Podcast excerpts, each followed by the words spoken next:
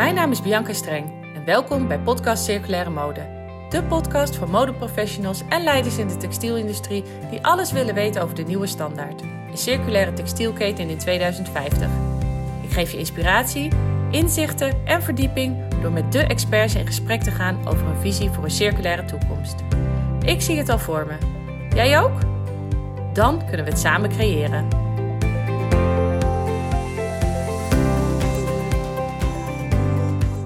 Vandaag spreek ik met Kiki Hagen, Tweede Kamerlid voor D66 en gepassioneerd strijder voor een circulaire economie.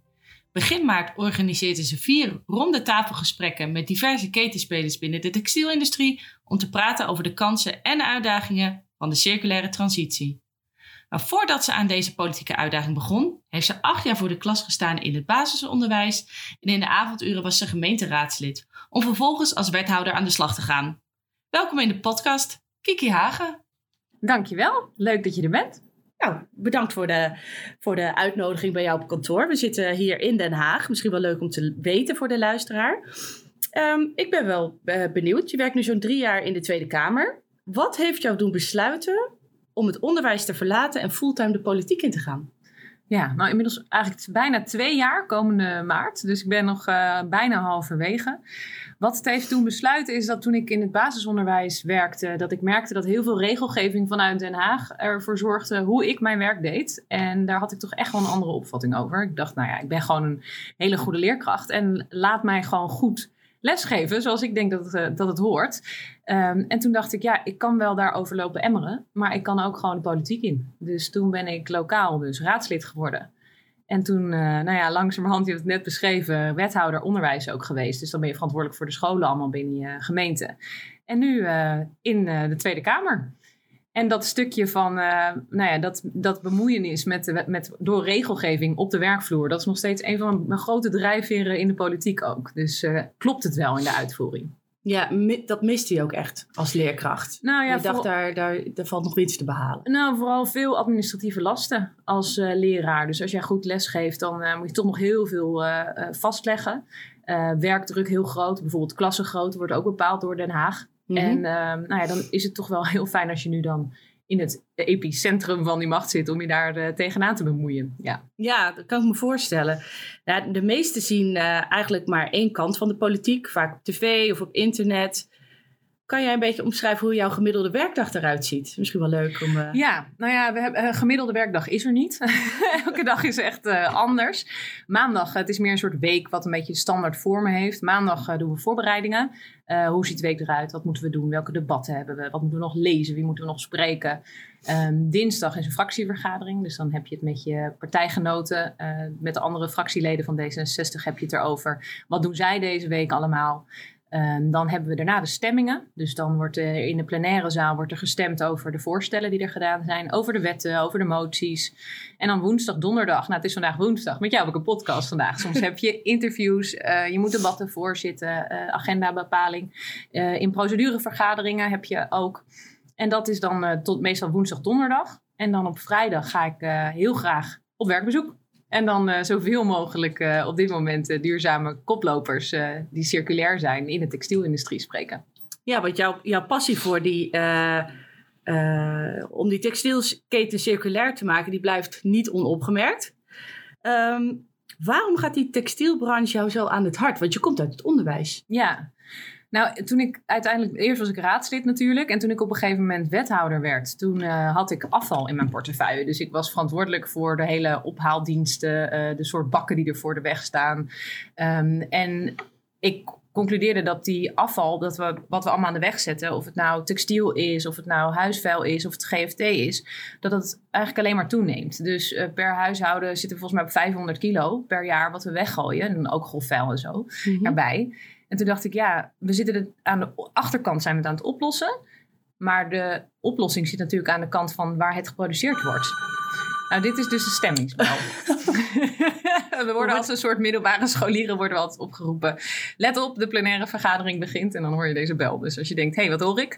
We moeten, sommigen moeten nu rennen naar de plenaire zaal. Dus die kan uh, nog een paar keer uh, voorkomen? Ja, die kan af en toe er tussendoor komen. Maar goed, dus toen ik als wethouder daarmee bezig was, dacht ik, ja, dit is wel... Um, de, de achterkant, de afvalkant is niet de oplossing. Dus hoe gaan we dat dan oplossen? Dus nou ja, dan verdiep je in papier en je verdiep je in plastic. En toen dacht ik, ja het maakt eigenlijk niet uit of je het bezighoudt met plastic of papier. De basisvoorwaarden van dat we weer kunnen recyclen en het opnieuw kunnen gebruiken, zit hem altijd in op welke manier is het gemaakt. Welke kwaliteit heeft het? En ja, dat geldt dus ook voor textiel. Nou, en daar had ik wel een voorliefde voor. Ik vind dat natuurlijk heerlijk om me leuk aan te kleden. En uh, toen ik me daarin ging verdiepen, ja, toen schrok ik wel heel erg.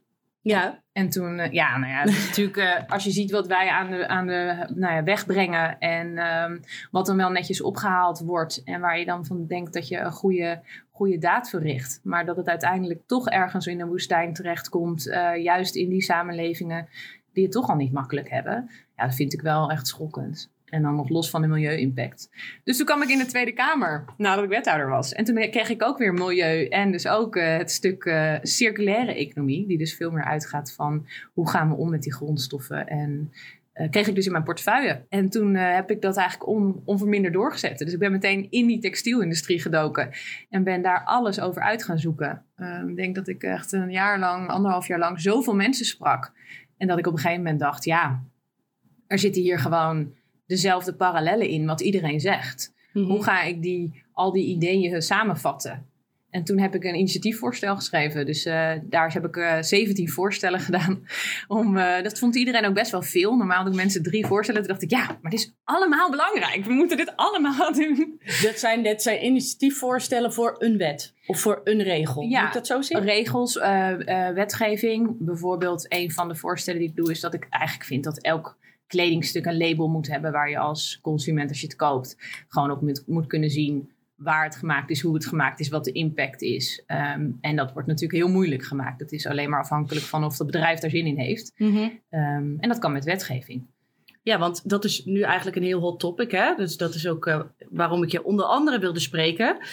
Um, ja, op dit moment is dat de UPV voor de textielsector. Uh, heel veel bedrijven zijn ermee bezig. Sommigen weten ook niet zo goed waar ze aan toe zijn nog. Kan je de luisteraar die nog niet zo goed van de hoed en de rand weet... uitleggen wat een UPV eigenlijk is... en wat dat voor de textielsector straks betekent? Ja, de UPV staat voor uitgebreide producentenverantwoordelijkheid. Dat betekent dat we degene die het maakt... verantwoordelijk maken voor eigenlijk de hele keten. Dus dat betekent vanaf productie, maar ook voor afval. En dat is ontstaan bijvoorbeeld, denk aan plastic, de bergen plastic. We wisten niet meer wat we ermee aan moesten. En toen hebben ze een, een uitgebreide producentenverantwoordelijkheid in het leven geroepen. En dat heeft ervoor gezorgd dat de verpakkingsindustrie met elkaar samenwerkt en een bedrag moet betalen voor elk kilo uh, plastic dat ze op de markt brengen. En dat bedrag komt dan in een fonds. En vanuit dat fonds betalen ze onder andere uh, de gemeentelijke ophaaldiensten. Um, maar ze zouden het ook, en nou ja, daar heb ik dus nog wel wat kanttekeningen over. Uh, ze zouden het ook kunnen gebruiken voor innovatie. Dus dat een, een verpakking bijvoorbeeld heel goed opnieuw gebruikt kan worden. Nou, de UPV Textiel komt eraan. In die zin, ze zijn er dus nu mee bezig. Um, in 2025 wordt het, als het goed is, bindend. Dus dan moeten ze daaraan voldoen. En dan draagt dus de textielindustrie, die allemaal textiel op de markt brengen, dragen per kilo bij aan de verwerking ervan. Ja, helder. En zou je ook in Jippe Janneke taal uit kunnen leggen hoe dat uh, aannemen van zo'n wet in, in zijn werk gaat. Van het ontwerpen van een wet tot het werkelijk implementeren. Want dat is heel veel mensen, hoor je om me heen, hoor je zeggen van ja, maar het duurt allemaal zo lang. Ja. Daar is vast een reden voor. Kan ja. je vertellen hoe dat in zijn werk gaat? Ja, nou, de, je hoort heel vaak dat wetgeving heel lang duurt. Maar ik denk dat het goed is om te beseffen, het is wel een wet. Dus als we die eenmaal neerzetten, dan geldt het voor altijd. Dus dat moet super zorgvuldig gebeuren. Er moet natuurlijk gekeken worden wat de impact is. Of het op de juiste manier gedaan wordt. Of het wel uitgevoerd kan worden. Dus dat kost gewoon ook tijd. En eerst wordt het natuurlijk behandeld. Dus we gaan in de, in de Kamer bespreken we dan um, nou ja, een voorstel voor een wet bijvoorbeeld. Dus vanuit UPW uh, bestaat die manier van wetgeving al. Omdat we dat al voor plastic hebben gedaan. En daardoor kunnen we het ook meteen eh, voor eh, textiel doen. Nou, daar wordt er eerst over gesproken. Dus alle partijen zeggen dan wat ze ervan vinden in de Tweede Kamer. Dat neemt de staatssecretaris eh, van Infrastructuur en Waterstaat neemt dat dan mee. En die gaat daar dan mee aan de slag. En dan komt er een wetsvoorstel. En daar wordt dan nou ja, wordt weer over gesproken, heel lang. Of het goed is of niet goed is. Worden nog aanvullende vragen gesteld. En dan vervolgens komt het in stemming. En die stemming, dat is dan, nou ja, dat bepaalt dan of die aangenomen wordt, die wet. En dan moet die naar de Eerste Kamer, want dan zijn we er natuurlijk niet. Dan gaat de Eerste Kamer kijken. En in principe zou de Eerste Kamer vrij, eh, nou ja, niet heel politiek moeten zijn. Dat verandert een beetje de laatste tijd. Maar zij kijken eigenlijk of het een haalbare wet is. En als zij dan vaststellen, dan is het een wet. En dan staat het. Dus dat duurt inderdaad eh, lang. Maar ja, ik vind het ook niet meer dan normaal. Denk maar, alles wat je in een wet vast kan leggen, gaat eh, voor altijd mee. Ja, begrijp het inderdaad.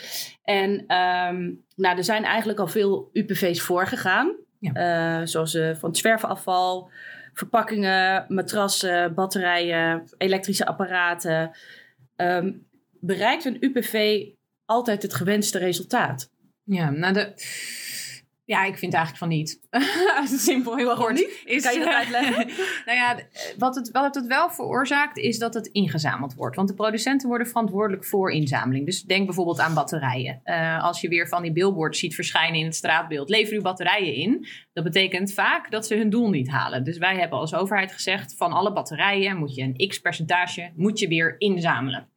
Ehm, dat werkt goed. Dus wij zamelen heel goed in. We zamelen ook nog wel al die verschillende stromen goed in.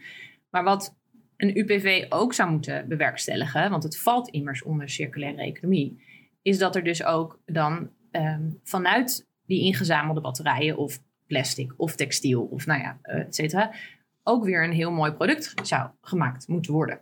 Maar dat is in die doelstellingen nog niet goed geregeld. Ehm, en dat kan wel, al vindt de staatssecretaris heel vaak van niet. En ik zeg, dat kan je daarin vastleggen. Je moet gewoon stellen, dit is een doelstelling. Naast dat je ehm, zoveel inzamelt, dus 80% van de batterijen moeten bijvoorbeeld ingezameld worden, ehm, die op de markt zijn gebracht, moet je er ook voor zorgen dat die grondstoffen die in die batterijen zitten, dat je die er weer uitwint. En dat is nu nog eigenlijk niet voldoende. Dus we dat, zijn nog- lijkt, dat lijkt me voor de textiel ook ja, wel een uitdaging om dat vast te leggen. Ook omdat die die keten zo lang is en wel internationaal en toch vrij ingewikkeld in elkaar zit. Ja. En, en nog niet heel transparant. Eh, maakt dat deze UPV eigenlijk nog uitdagender dan eh, andere UPV's? Of zeg je van nou, ik zie daar niet eh, extra Ja, het vers- kijk, als je kijkt naar het soort producten dat wordt ingezameld, dan is elk product natuurlijk anders. Maar zeker textiel heeft natuurlijk allemaal verschillende samenstellingen. Dus wat wie eh, op de markt brengt, is ook nog eens heel verschillend. Dus, en we hebben ook nog heel veel verschillende spelers. Dus je hebt de mega duurzame, 100% circulaire eh, bedrijven die eh, textiel maken. En je hebt de fast fashion en je hebt ook de ultra fast fashion. Ja, nee, dat is natuurlijk een, een drama, want zij produceren überhaupt te laagwaardige kwaliteit. Dus Dan wat- heb je het over Shein en een Primark, denk ik, hè? ja, Even... ja, bijvoorbeeld. Maar goed, de fast fashion is natuurlijk ook de Zara en de H&M's. die zorgen er gewoon niet voor dat er... Nou, die zorgen niet voor voldoende eh, hoogwaardige kwaliteit. En als je dat dus moet gaan recyclen, is dat gewoon een enorme uitdaging. Wat een UPV kan doen, is zeggen... Oké, jij bent super circulair, dus jij hoeft minder per kilo te betalen. Maar de vraag is of de grote spelers die zich dan in zo'n UPV bevinden, of zij dat gaan toestaan. Mhm. Want zij hebben natuurlijk belang bij dat zij zelf zo min mogelijk betalen. En daar zie je dan de uitdagingen van zo'n UPV zijn ook weer de belangen van de markt.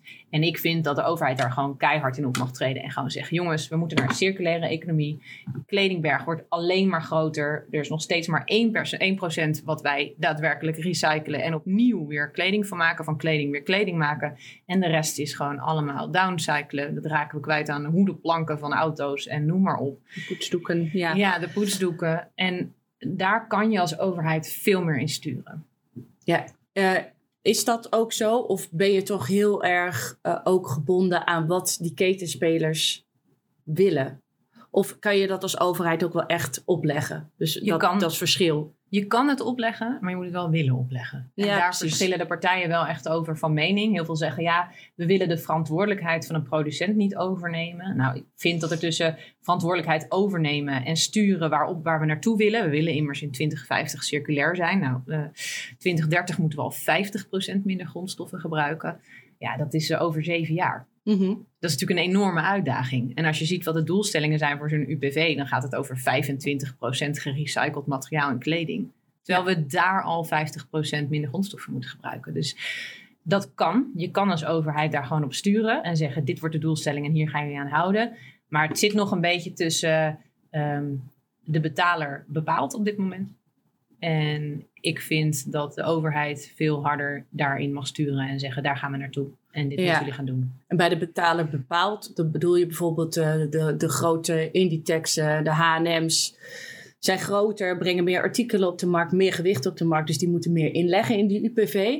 En daar staan tegenover de kleinere merken die bijvoorbeeld, eh, ik zeg maar wat, eh 50 verkooppunten in Nederland hebben. Dus die brengen minder gewicht en die betalen minder. Dus die hebben eigenlijk ook minder te vertellen. Ja. Terwijl ze misschien in de meeste gevallen duurzamer bezig zijn Ja. dan de grote spelers. Ja, en dat zie je natuurlijk gewoon in de huidige markt ook al. Want als zij bijvoorbeeld een bepaald kledingstuk willen maken van een bepaald materiaal, zijn ze ook onderhevig aan alle grote bedrijven die enorme opdrachten uitzetten. En dan is het ook heel moeilijk om daartussen te komen. Dus dat vertaalt zich ook in die UPV. En daar probeer ik dus steeds een stokje voor te steken en te zeggen: nee, jongens, we moeten echt aan het hoofd van die tafel gaan zitten als overheid en zeggen: nee, nu is het een keer afgelopen. Jullie zijn verantwoordelijk voor die enorme textielberg die hier komt, de enorme verspilling van grondstoffen. En er wordt een heel groot deel niet eens verkocht. Dus ehm, ja, ik vind dat daar gewoon een veel grotere rol ligt weggelegd. Maar dus, daar zijn de staatssecretaris en ik het dus niet over eens. Nee, precies. Dus Nee.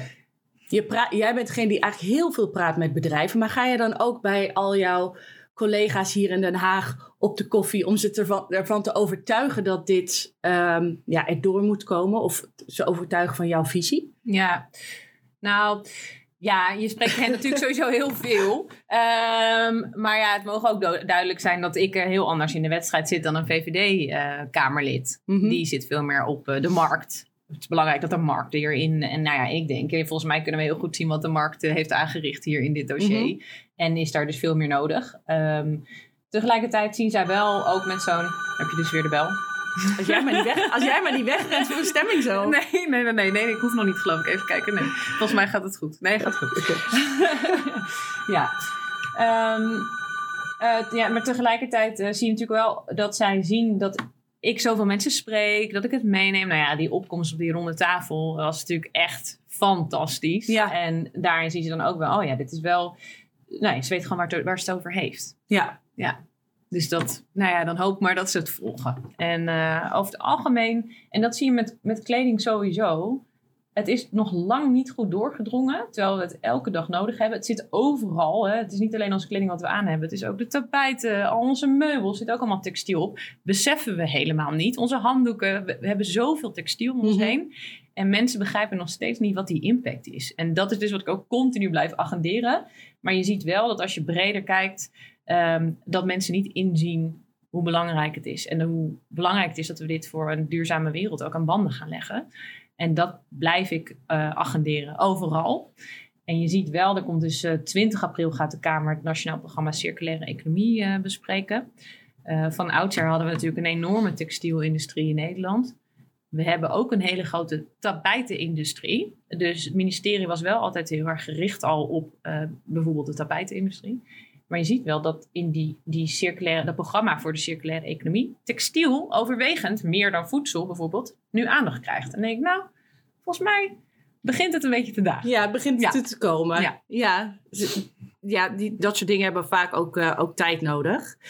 Ehm, eh, je had het net over in 2025 wordt de UPV bindend. Ja. Eh, als ik het goed heb, ehm, wordt die bindend verklaard op het moment dat 65% van de textielbedrijven actief in Nederland ehm, zijn aangesloten. Nu zitten we volgens mij ongeveer op de helft. We hebben het nu in maart 2023. Verwacht je dat die 65% wel gehaald gaat worden? Ja, dat zal wel moeten. Nou ja, kijk, ik, uh, ik ga, als je ziet wat de andere, hoe het bij de andere UPV's is gegaan, is dat natuurlijk ook gelukt. En uiteindelijk ontlopen, ontloopt niemand hierin zijn, verantwoordelijk, zijn of haar verantwoordelijkheid. Um, maar het is wel een hele heterogene groep natuurlijk. Mm En ik kan me ook voorstellen dat als jij als eenpitter, nou ik was vorige week bij Nut, ja. Uh, zij werkt vanuit haar huis nog. Zij heeft haar atelier aan huis dat ze nog al die dingen maakt. Super klein. Ja, zij upcycled blazers, hè? Ja, oh, sorry, ja zo, ze upcycled echt prachtige blazers. En mega inspirerend. Zij was ook echt helemaal van slag over al de cijfers die langskwamen over de kledingindustrie. En daarin zie je, zij levert dus ook iets op de markt. En eh, hoe kan één iemand die een eenpitter is op tegen een Primark, die gewoon een hele, nou ja, een hele afdeling hebt met, met heeft met legal uh, adviseurs, et cetera. Dus ik kan, me ook voorstellen, nee, ik kan me ook voorstellen dat het even tijd nodig heeft. Dus dat snap ik op zich wel. Alleen ik hoop wel dat als er dan twee jaar in opmaat per 25 dan tijd voor genomen is, dat iedereen ook beseft dat het dan wel echt werk aan de winkel is. Ja, ja en vanuit die UPV ehm, wordt onder andere um, uh, geïnvesteerd in uh, inzamelingssystemen waar iedereen aan uh, kan aanhaken, degene die bij de UPV aangehaakt zijn, recyclesystemen. Maar er is natuurlijk ook nog iets wat heel erg belangrijk is en dat is innovatie. Ja. Um, moet er een bepaald percentage van wat er in die UPV gestopt wordt, daar ook aan uitgegeven worden volgens jou? Ja, volgens mij wel. Maar dat is niet per se hoe het helemaal vast ligt. Sterker nog, een deel van bijvoorbeeld de tweedehands uh, investering is eruit gehaald. Ik had heel erg gehoopt toen ik de eerste keer deze UPV zag, stond tweedehands pontificaal erin. En daarvan dacht ik, hè, hè, elke winkel krijgt in Nederland straks gewoon een rek met tweedehands van dat merk. Hoe mooi mhm. is dat? Mhm. Dan is het veel meer gewoon, nou ja, ook heel toegankelijk voor iedereen, betaalbaarder voor iedereen. Nou ja, dat is er dus uitgehaald al. Dus daar zie je. En als je dan dus kijkt bij bijvoorbeeld verpakkingen, daarin zien we dat het fonds gewoon alleen maar toeneemt. Dus van 200 miljoen is dat 500 miljoen geworden. Dus alle producenten die zorgen ervoor dat ze gewoon hun heffing betalen en zien het als een extra belasting. Maar het hele bedoeling, de hele bedoeling is dat je met elkaar om tafel gaat en gaat zeggen: hé, hey, wat lukt jou goed? Hoe, hoe krijg jij nou voor elkaar dat jij weer van textiel garen spint? Hoe kunnen we dat opschalen? Kunnen we dat daarvoor gebruiken? En dat gebeurt nu niet. Nee, nee. Dus dat is wel heel erg jammer. Wat ik wel hoop is dat wat bij, bij verpakkingen bijvoorbeeld is gebeurd, is dat ze een kennisinstituut hebben opgestart. En daar zitten gewoon uh, mensen die uh, alle verpakkingen bekijken, kijken hoe dat ingezameld wordt. En dan zeggen ze, oh, dit werkt niet. Dus deze verpakking moet je eigenlijk niet meer maken. En dan gaan ze dat dus, uh, nou ja, dan geven ze die informatie. Of de producenten het dan daadwerkelijk aanpassen is nog tot daar. Maar ik hoop wel dat dat soort systemen die al opgedaan zijn bij de andere UPV's, dat ze daarmee aan de slag gaan. En dat is dus maar afwachten. Dus uh, ik zal er in ieder geval op sturen. Maar, ja, precies. En um, nou ja, niet alle bedrijven zijn nog om voor de UPV. Niet iedereen is even enthousiast. Uh, dat kan liggen aan onduidelijkheden. Um, sommigen vinden dat de sector het zelf kan regelen uh, zonder nog meer regels.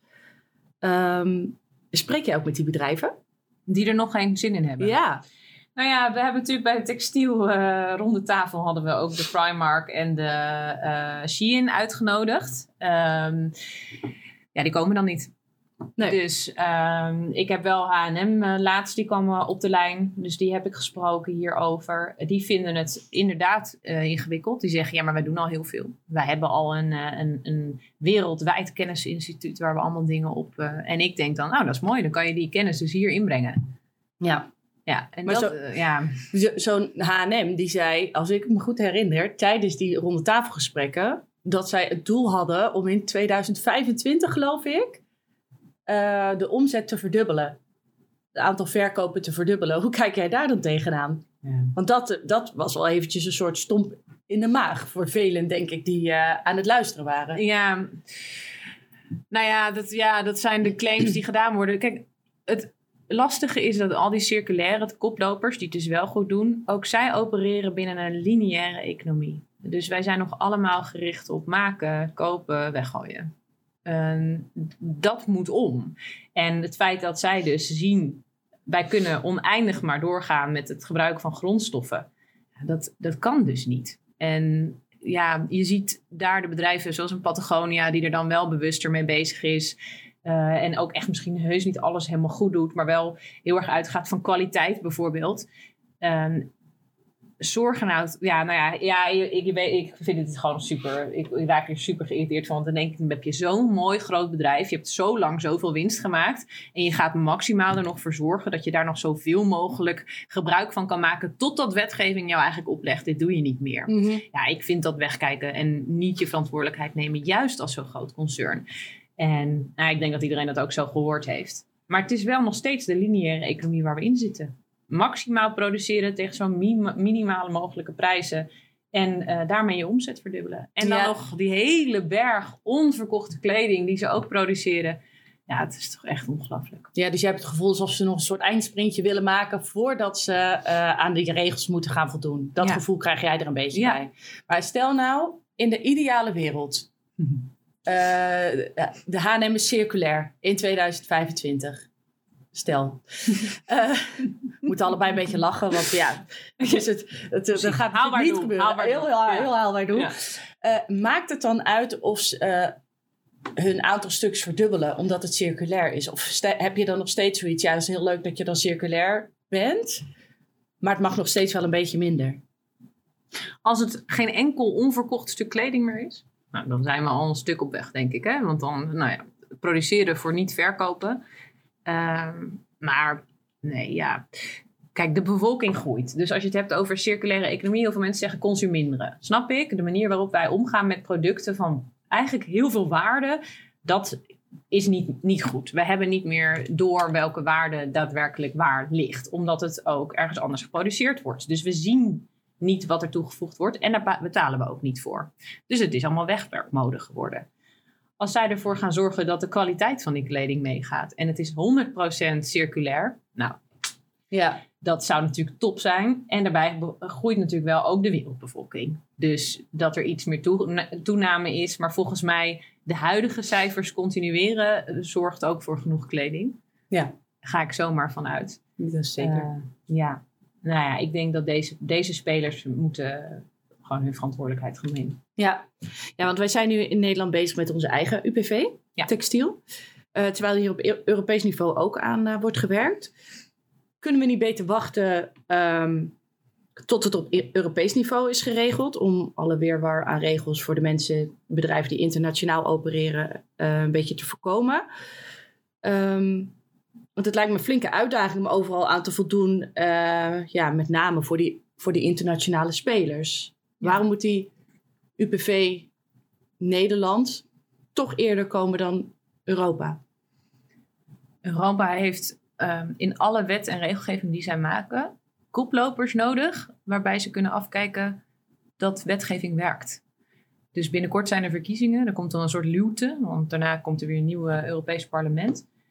En het is fantastisch dat wij juist op dat moment al bezig zijn. Wij kunnen met al die goede spelers die wij hebben in uh, Nederland. Uh, ik werd even onderbroken. Werd even, was even een vraag. Maar we hebben met alle koplopers die wij hebben in Nederland, hebben wij de goede voorbeelden in huis. En er zijn ook al spelers, nou bijvoorbeeld de Zeeman vertelde ook tijdens die ronde tafel natuurlijk, wat zij allemaal al doen. Je kunt dus gewoon gebruik maken van die spelers die het al goed doen. Het voorbeeld zijn in Europa. En daarmee investeer je dus in de toekomst. Want de kans is heel groot dat Europa dan zegt: hey, kijk, in Nederland werkt dit. Dus laten we dit een richtlijn maken voor alle landen in Europa. En er is geen enkel bedrijf ter wereld dat niet zijn voet aan de grond wil krijgen in Europa. Ja. Dus het is allebei heel belangrijk. En hier hoor je heel vaak, ja, gelijk speelveld met Europa. Dat betekent laten we, de, laten we de drempel maar zo laag mogelijk maken voor alle bedrijven. En uh, zo lang mogelijk nog doorgaan op de huidige koers. Dus ik ben altijd een beetje allergisch voor het woord gelijk speelveld. Want gelijk speelveld betekent nooit het ambitieniveau van die koplopers. Terwijl als we daar nu in investeren, dan investeer je dus ook in de toekomst. En niet in de oude systemen die al bestaan. Ja, dus eigenlijk zet je, uh, als je dat per land doet, of in dit geval Nederland als koploper, zet je eigenlijk al een hoog in voor die Europese wetgeving. Ja. Dus dat is ook het belang van dat je uh, als land daarop vooruit loopt. Uh, ja, ja. En, en, de doelen hoog stelt. Ja, en je, en je pioniers die gewoon, die hebben we. hebben zoveel goede voorbeelden in Nederland. We zijn, ja. Dat zit er toch echt nog in ons bloed. En dan denk ik dan als land. Dan wil je die toch ondersteunen. Die juist naar de toekomst werken. En die niet vasthouden aan die oude systemen. En daarin zet je dan de maat. Ik denk dat dat echt hartstikke goed is. Ja, Oké, nou ik zou ook heel graag even met je vooruitkijken. Ja. Ehm, we hebben het al een keer gezegd eh, net. In 2050 eh, moet de Nederlandse economie volledig circulair zijn. Ehm, wat denk je dat op politiek vlak eh, de grootste kansen zijn die, ja, die komende jaren zich voordoen? Ehm, ja, ik ben sowieso mega hoopvol. Ik, als je kijkt naar al die spelers die ik spreek, die doen het dus gewoon al. Mhm. Dus die bewijzen elke dag dat het wel kan. Dat je wel om kan kijken naar de gemeenschap. Want circulair is natuurlijk niet alleen grondstoffen. Het gaat ook hoe ga je om met de, met de aarde breed. Hè? Wat is je impact eigenlijk? Maar ook op mensniveau. Dus welke gemeenschappen ga je met elkaar aan? En ik denk dat ehm, het allerbelangrijkste is dat je als overheid eh, die stip op die horizon zet. Dat je zegt, daar gaan we met elkaar naartoe werken. Nou, dat hebben we nu gezegd. We willen in 2050 circulair zijn. In 2030 50% minder grondstoffen gebruiken. Die komt er echt al heel gauw aan. Daar moet je dus vooral aan vasthouden. Dat heb ik dus ook op, nou, op vragen gesteld. Of eh, opdracht gegeven eigenlijk, want de Kamer heeft ermee ingestemd. Maak circulair wetgeving. Dus net zoals de klimaatwet. En daar moet je aan vasthouden. En daar moet je echt optimaal die mensen die dat al aan het doen zijn, daar moet je in investeren. Eh, nou, ik heb ook een fonds. eh, als het goed is, komt er vanuit het Klimaatfonds komt er een fonds voor de pioniers. Want vooral die opschaling van de initiatieven is de komende tijd super belangrijk. Nou, dat hoorde je ook in die ronde tafel. Dat ze zeiden, Ja. we kunnen wel beginnen, maar daarna, die slag erna, die opschaling hè, op, op fabrieksniveau of in samenwerking met anderen. eh, dat is heel belangrijk. Dus als we daar nu de komende tijd op inzetten, dan zijn die koplopers de toon en de norm. En dat is, dat is waar je op in moet zetten. Maar er zijn natuurlijk, dat is dan sec voor, voor textiel. En ehm, daarbij is samenwerken gewoon de key. Want circulair gaat over eh, producten, zoals textiel. Hoe gaan we daarmee om? Maar het gaat over gemeenschappen. Maar het gaat ook over hoe eten we? Wat, wat voor voedsel nuttigen we? Ook weer Mhm. welke impact hebben we? Het gaat ook over hoe bouwen we onze huizen? En hoe gaan we daarmee om? Hoe gaan we om met de natuur? Dus er zijn enorme uitdagingen. Maar ik denk dat als je als overheid de toon zet, daar werken we naartoe. Eh, je laat leiden door die spelers die daar ook naartoe willen. Dan heb je kansen volop. Ja, dus kan ik dan daarmee zeggen dat jouw focus voor de komende zeven jaar ligt op innovatie, koplopers en het opschalen daarvan? Ja, en ook ehm, een hele duidelijke wet en regelgeving in wat we op een gegeven moment niet meer willen. Want dat is natuurlijk wel belangrijk. Want we kunnen eigenlijk de kledingconvenant dat ooit is afgesloten, vond iedereen fantastisch. Maar het eind, de eindconclusie was wel, het convenantniveau zijn we nu voorbij. Het moet nu wet en regelgeving komen over wat we wel goed vinden, niet meer goed vinden. En eh, waar we naartoe willen werken. Dus dat ook. Dus en, en. Dus en, in, en die koplopers pakken. En ondertussen degene die niet zo graag mee willen wandelen, hop, een beetje mee laten werken door eh, de juiste wet en regelgeving neer te zetten. Ja, oké, dankjewel. Nou, volgens mij kunnen wij hier nog uren over praten. Ja, Dagen misschien wel, maar helaas gaat dat niet. Jij moet zo door naar je volgende afspraak. Jouw Ja. bel gaat straks. Ja. Wat wil je de luisteraar nog meegeven die werkt aan de duurzame transitie? Ja, nou, ik ben zelf bijvoorbeeld gestopt met het kopen van nieuwe kleding.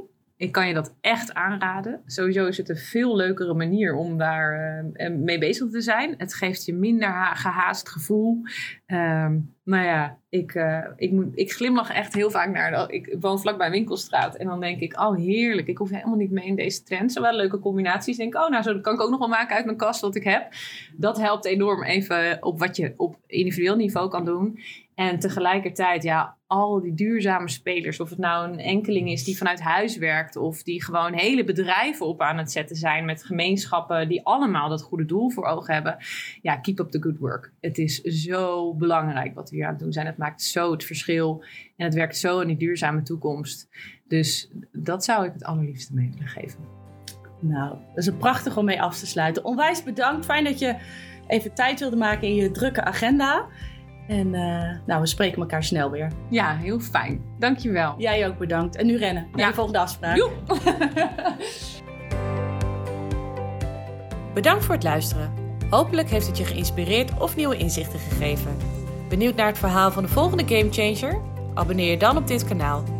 Ook kan je me volgen op Instagram, Bianca Streng, of connecten via LinkedIn.